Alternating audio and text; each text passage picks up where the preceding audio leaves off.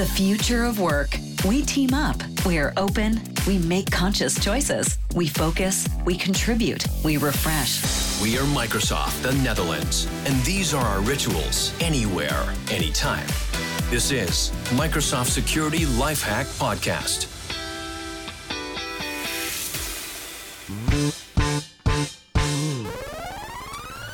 Yes, hello. Here we are again at uh, Microsoft Security Lifehack Podcast, uh, live from our uh, podcast studio. And um, this is going to be a fun thing again because we have, I think, five or maybe six episodes. We're going to talk about OT, IoT. And um, I, I, know I'm here with Ronny. He's like my co host for this series. Um, but, Ronny, uh, please explain what we're going to talk about again. Yes, it's uh, it's right, and actually the title is IT from uh, from Mars and OTR from Venus, and okay. that's the difference. Normally, we're all, always talking about IT related uh, security uh, topics, uh, but this series we are just focusing on OT. IoT or enterprise IoT, and that's way different than uh, IT, and that's why also I'm happy uh, to cover this in a six podcast series. Yeah. And uh, yeah, that that's I'm looking really looking forward, especially also the the guest we have today. Yeah, that's why we're doing it in English, by the way. Yes, this, this time because uh, we have a special guest. Uh, um, uh, it's, it's, Leo. We're going to introduce him in in, in just just a second. Um, from your perspective, Ronny, um, if you look at OT, IoT, you're, you're working with that on a day to day basis. Yes, and uh, it's it's becoming even more and more uh, because IT we have the kind of maturity. It's already a commodity, uh, but that's not the, the, same level with IoT and OT, and it's uh, obvious available. And um, but the importance we are not on that majority level when it comes to uh, protection and security and becoming more resilient to all these connected um, um, sensors and devices, etc. Okay. So, so one, I was I was in the car today and I was listening to the radio and there was some some research that has been done and was really striking for me and, and I want to just have your, your thoughts around it before we go to Leo is um, I heard that one out of five companies in the mid-sized companies, the what we call MKB in the Netherlands, um, it's it's like a potential target uh, for ransomware or or uh, business email fraud, and that the cost of such a breach is the average of two hundred and seventy thousand euros. That's that's enormous. Yeah, that's that's insane. So and also for this, right, for IoT and OT, these can be yeah, they're, they're breaches. Can be breached. Yeah, but the the the, the challenge here is is. Uh, it's not always visible because we're to- talking about uh, uh, yeah, dumb devices which collecting data whether at the edge or but they're not always visible to us. So if they're not visible we don't know of the existence of them but they are. And they are actually are a potential surface to get breached. So that's why it's we are appealing in this series to yeah raise more awareness how to yeah uh, raise your resilience when it comes to OT and IoT. And that's why I'm so happy that we have here the man, the myth himself. Um, I, I, think he's from Israel, you told me. So um, it, it's Leo. Leo, welcome to the show. Hi guys, good to be here. Good, good to see you, and good to hear you. By the way, um, Leo, can you introduce yourself maybe, and from which company you are, and who you are, what you're doing? We we want to know everything. Thanks. Um, yeah, so I'm Leo. Uh, I'm with BlueVoyant. I actually had uh, OT security at BlueVoyant. Um, what we do is we do uh, uh we're a cybersecurity company. Basically, we're a one-stop shop. Um, so we do digital risk protection, threat intelligence, professional services, uh, and what I deal with mostly, uh, which is managed security services. And as part of that, we also have a managed OT security, managed ICS security offering. Um, so that's what I do. We protect the uh, critical environments and critical infrastructure for our customers around the globe. Yeah. Maybe you know that, and, and just because I, I, it, it, might be me, but I see a lot of cybersecurity companies coming from Israel. Is that just me, or is it yeah, like that, yeah? yeah, it's a it's a phenomenon. Um, the, the reason there is that um, Israel has a uh, has a very strong intelligence community historically. Um, and actually, dating back as early as the uh, 70s and 80s, um, that intelligence community has invested greatly uh, into building cyber capabilities, both on the defensive side and also on the offensive side. Uh, and over time, a lot of that knowledge and that expertise basically trickles down as well into the uh, uh, the private sector. Um, so we are fortunate that we have a lot of uh, good, talented people on our hands, um, and there's a lot of innovation coming into the ecosystem, um, which we hope that we can use uh, just to make the the globe a safer place for everybody in Yeah. the end. And that's cool. And also our cybersecurity center, um, I think the large part of it is also in Israel, right? Yeah, that's that's correct. Uh, we, I believe we have just uh, renewed our office, built a new office in Herzliya, uh, close to the coast. And, yeah, it's it's a great uh, office to be there, and there are a lot of uh, security departments active. And yeah, we're also working closely with partners like BlueVoyant, uh, closely to. Uh, yeah, build our practices around uh, security and also uh, when it comes to IoT and OT security. And that might be an, a great bridge, huh? like Leo mentioned I love bridges. Yeah, Yeah, yeah, yeah, yeah. Connecting people and exactly. yeah, yeah. bridging plans. Yeah, you, you talked about um, the intelligence uh, practices you build on uh, historically. Um, how does that relate uh, when it comes to intelligence, threat intelligence, uh, to OT security and uh, versus IT environments? How does the outlook look like for um, yeah the next periods? eh? Um, which which threat intelligence is valuable? What are the indicators which matters, and which sources you recommend when it comes to TI, uh, particular to OT? Yeah, so um, ba- basically, this is uh, uh, this is really a great question to be, to be honest, because um, usually when people go into into cybersecurity practitioners, when they go into ICS security, into OT security, usually um, there's this kind of understanding to treat it like uh, very similar to IT, um, but also not. And I think, as the title of the podcast series suggests, um, there's really there's a lot similar, but there's also a bunch of difference we need to look at. Um, the way that uh, the way that threat intelligence is unique, I think, is that um, I think we, we've arrived in a, in a time, especially now in 2023, where I think everybody realizes the importance of threat intelligence, right? So I think there's no mature organization um, out of their right minds that would say, "Hey, we don't need any threat intelligence capability um, just to be able to understand what the bad guys are doing," right? Um, the difference is, I think, um, that over time we've also understood understood which indicators and which kind of kinds and types of threat intelligence matter at all. Um, there's this great litmus test that I always like to do is, which is um, if you have a bunch of IOCs. So uh, I'll just throw abbreviations out of there, but IOCs. Yeah, please right, help me out. IOCs. I'm, I'm, see me as the newbie. What's an IOC? So an IOC is an indicator of compromise, right? So that means it's an artifact. And the idea behind it originally was this, for example, we have a threat actor from uh, North Korea, right? That is uh, working uh, and targeting critical infrastructure in uh, in the uh, in the United States, in North America. So uh, a regulatory organization in the US publishes an advisory and says, "Hey, here's the list of IOCs um, of technical artifacts. Please go and scan your environment for these artifacts. If you find them, that means that threat actor is present there, right? That's the idea. Um, the, the, the challenge with that is um, that over time, this has gotten really messy. So, for example, uh, a lot of threat actors and a lot of malware uh, use uh, publicly available DNS services um, just to handle their requests. So, very often, those are in these IOC lists. Um, so if you enter any public legitimate DNS service into a threat intelligence search engine, you always get hits. Now, the very fact that these IOCs are present in your environment doesn't mean you were attacked by these threat actors, right? Um, so there's a, there's a kind of a disconnect happening there.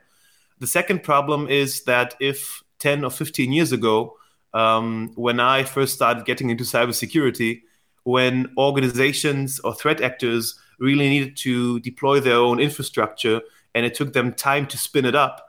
Uh, and you could say these are IP ranges or these are domain ranges that we know that are they belong to the bad guys, and vice versa. We could say, well, these are domain ranges um, that belong to a knowledgeable public host or a knowledgeable organization. Um, for, for, example, if you're using an operating system um, by a well-known company, um, I think you would agree that you'd say, okay, we can assume that the IPs belonging to that organization or the IPs belonging to that, they're fine. but what if that organization also has a public cloud and the bad guys can buy a server in there, right? So uh, and they can rotate these addresses quickly, yeah. and especially an IP address that was yesterday used by a bad guy can be legitimate to, tomorrow morning and vice versa. Yeah. So this this idea of let's so this whole idea of just you know let's have these very long lists of uh, uh, of uh, these IOCs that we can use um, that's really getting tougher as we go because it's just going to generate a lot of noise. Um, if you just feed all of those in your system and say, let me know if any of these hits me. Um, and what most organizations do then is one of two things. Either they have a lot of false positive alerts, alert yeah. fatigue, which is the worst, and they just tune it out. And the second one is um, they actually reduce the number of threat intelligence sources they ingest. So they say, well, we have so many false positive alerts, right? Um, if we act, if we act on all the threat intelligence that we get, there's no end to this. And then the solution is, well, let's just use less sources, right? So we have, I don't know, five community sources and three vendors that we buy TI feeds from. Um, so instead of that, let's just use two and not 10, which is also bad because you're missing out on some valuable information because you can't process and prioritize it. That, that's also a bad solution right there. So Actually, um, actually, Leo, it, it sounds to me like uh, threat intel should help you, but as you're explaining it, it's actually a burden to our analysts. Is is there a way to to find the right balance that in indeed you are using the uh, valuable TI information and how, for example, uh, is that uh, related to, for example, Defender for IoT? Uh, I believe the platform uh, by design provides some some machine learning and intel, but is that enough? And and how can you bring your own threat intel and combine the strengths? how that works in in practice? So first of all, this is one of the reasons that we at BlueVoyant are very excited um, about Defender for IoT and about Azure Sentinel. And this is why both of them are actually a great fit um, for us and for what our customers are looking for. Um, what happens is that Azure Sentinel and D4 IoT were really built with threat intelligence built in by design, and it's not an afterthought. Um, the difference is that if on the IT side, threat intelligence creates a lot of burdens, on the OT side, you need it um, just to be able to prioritize the kind of alerts and the kind of activity you're seeing in your the most critical part of your network right? Yeah. So usually uh, when you see something happening on the uh, on the ot side of the network um, what what's usually happening is you get an information that something happened um, Defender for IoT is actually good at uh, rolling up the entire scope of the activity that happened. So this happened, and this device spoke to this device, and we saw this activity pattern, and take a look at this. Um, but when you do that, um, then the question that you always end up with was this a fluke or something unusual happening on site?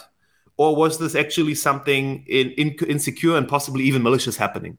And threat intelligence is this uh, accelerator that can help you make a better call much quicker. To be able to say, I can provide more context around what is happening here because I have more knowledge around that because I'm seeing communication with an IP address or I'm seeing uh, a communication pattern or I'm seeing a signature. And because I have good threat intelligence and that's baked into Azure Sentinel, and if I maintain that correctly, it's staying valuable. Then um, the then that's really going to make a key difference in my ability to react on those uh, alerts. And to your question, it's going to make analysts' lives much easier. Yeah, that sounds great. Yeah, that's actually where we are looking for because there are so many threats and so many bad actors uh, out there. And uh, yeah, we want to keep out the out of our systems. And uh, how does that relates to have, uh, for example, OT uh, from historical perspective, they are they are closed. They're closed systems, and uh, we we see the rise of IoT, which is more open, which is more connected. Um, are there differences in the way how we are approaching OT and IoT or enterprise IoT, enterprise IoT when it comes to uh, threat intel, or or is do you have similar similarities here? There's there's actually some some parts are shared and there's also a huge a huge difference so what is shared for both of those is that usually there's a visibility gap So uh, if you think at a think about a mature organization with a solid cybersecurity posture, um, very often um, they will already have best of breed security tools on the IT side, and it's managed, and you have a, a SOC looking at, at tools and there's 24/7 monitoring.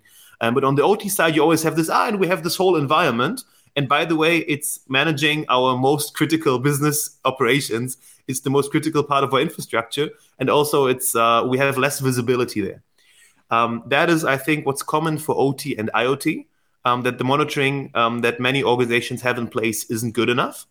Um, the difference with threat intelligence is that by design, many of the OT environments are designed not to be connected to the internet, unlike the IoT environments, which by design are connected to the internet. So when we see OT environments, we usually say you should not have any outgoing public internet connections. And yes, you really need to. It's more like work on a whitelist basis, so to speak. Mm-hmm. You say only have connections to the internet if you really need them. And for example, if we see in a client environment that something from the hardcore OT ICS environment is speaking with the internet, you can be sure that we look at our threat intelligence to say, what else do we know about this host that it's been speaking to? Because this is unusual. And on the IoT side, it's talking all the time because that is what it is, right? That's the um, that's the device, and this is really where um, you need two things you need strong threat intelligence and to be able to identify things that are malicious, first of all, because then you can flag them. And if you have this visibility with Defender for IoT and you have the threat intelligence in Azure Sentinel, using those things together, you can make better calls quickly. And second of all, you need to maintain it. So um, one of the things that I think the industry is uh, is understanding over the past two three years is that threat intelligence is like uh, groceries; it has a shelf life um, and it has an expiry date.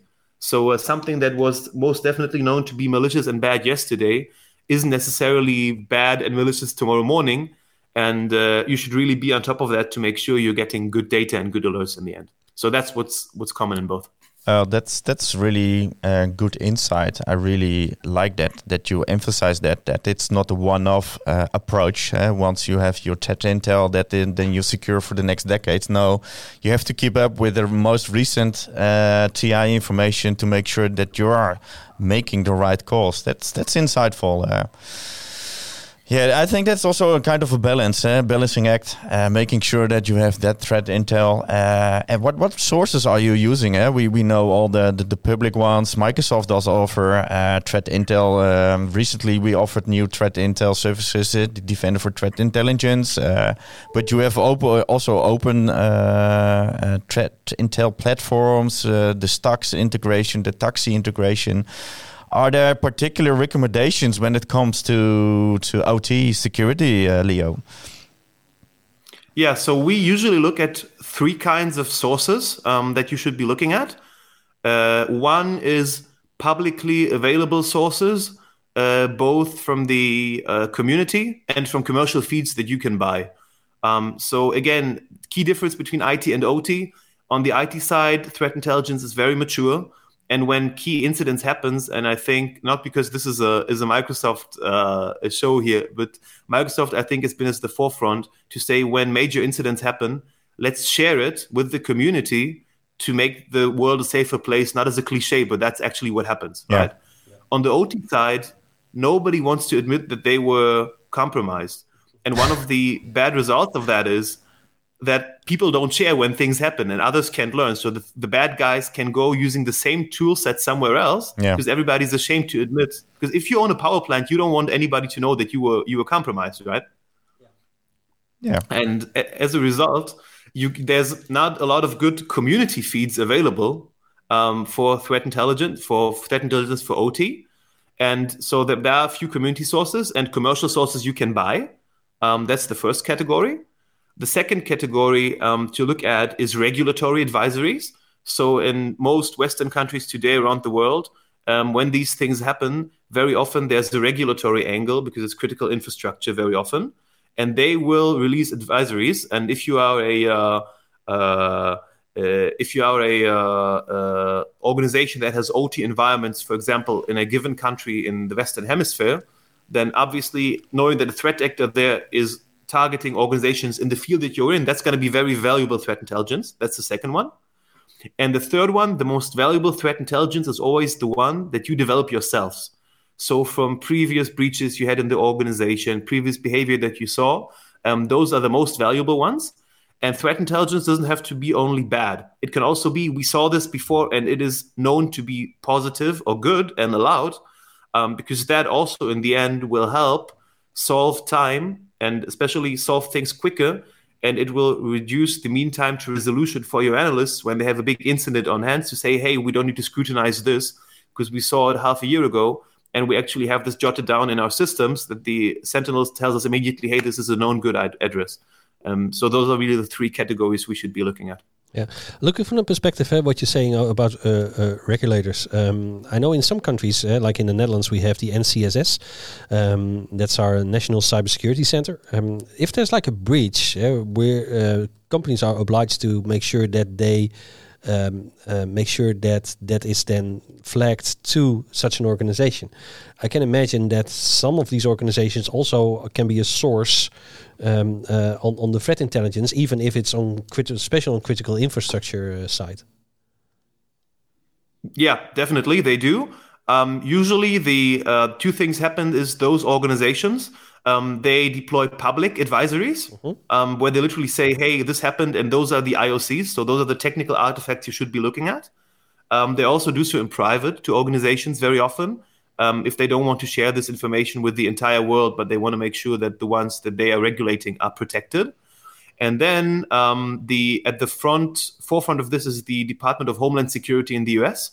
Um, they are also continuously uh, producing advisories related, by the way, not only to threats in the US but all around yeah, the world. Around the world. Yep. And usually, our our recommendation to clients is usually take your local regular, regulative body.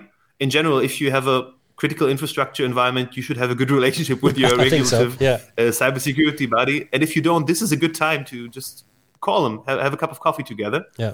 Um, and basically, we usually say the minimum should be on the regulatory side, DHS in the US, and uh, your local regulatory authority.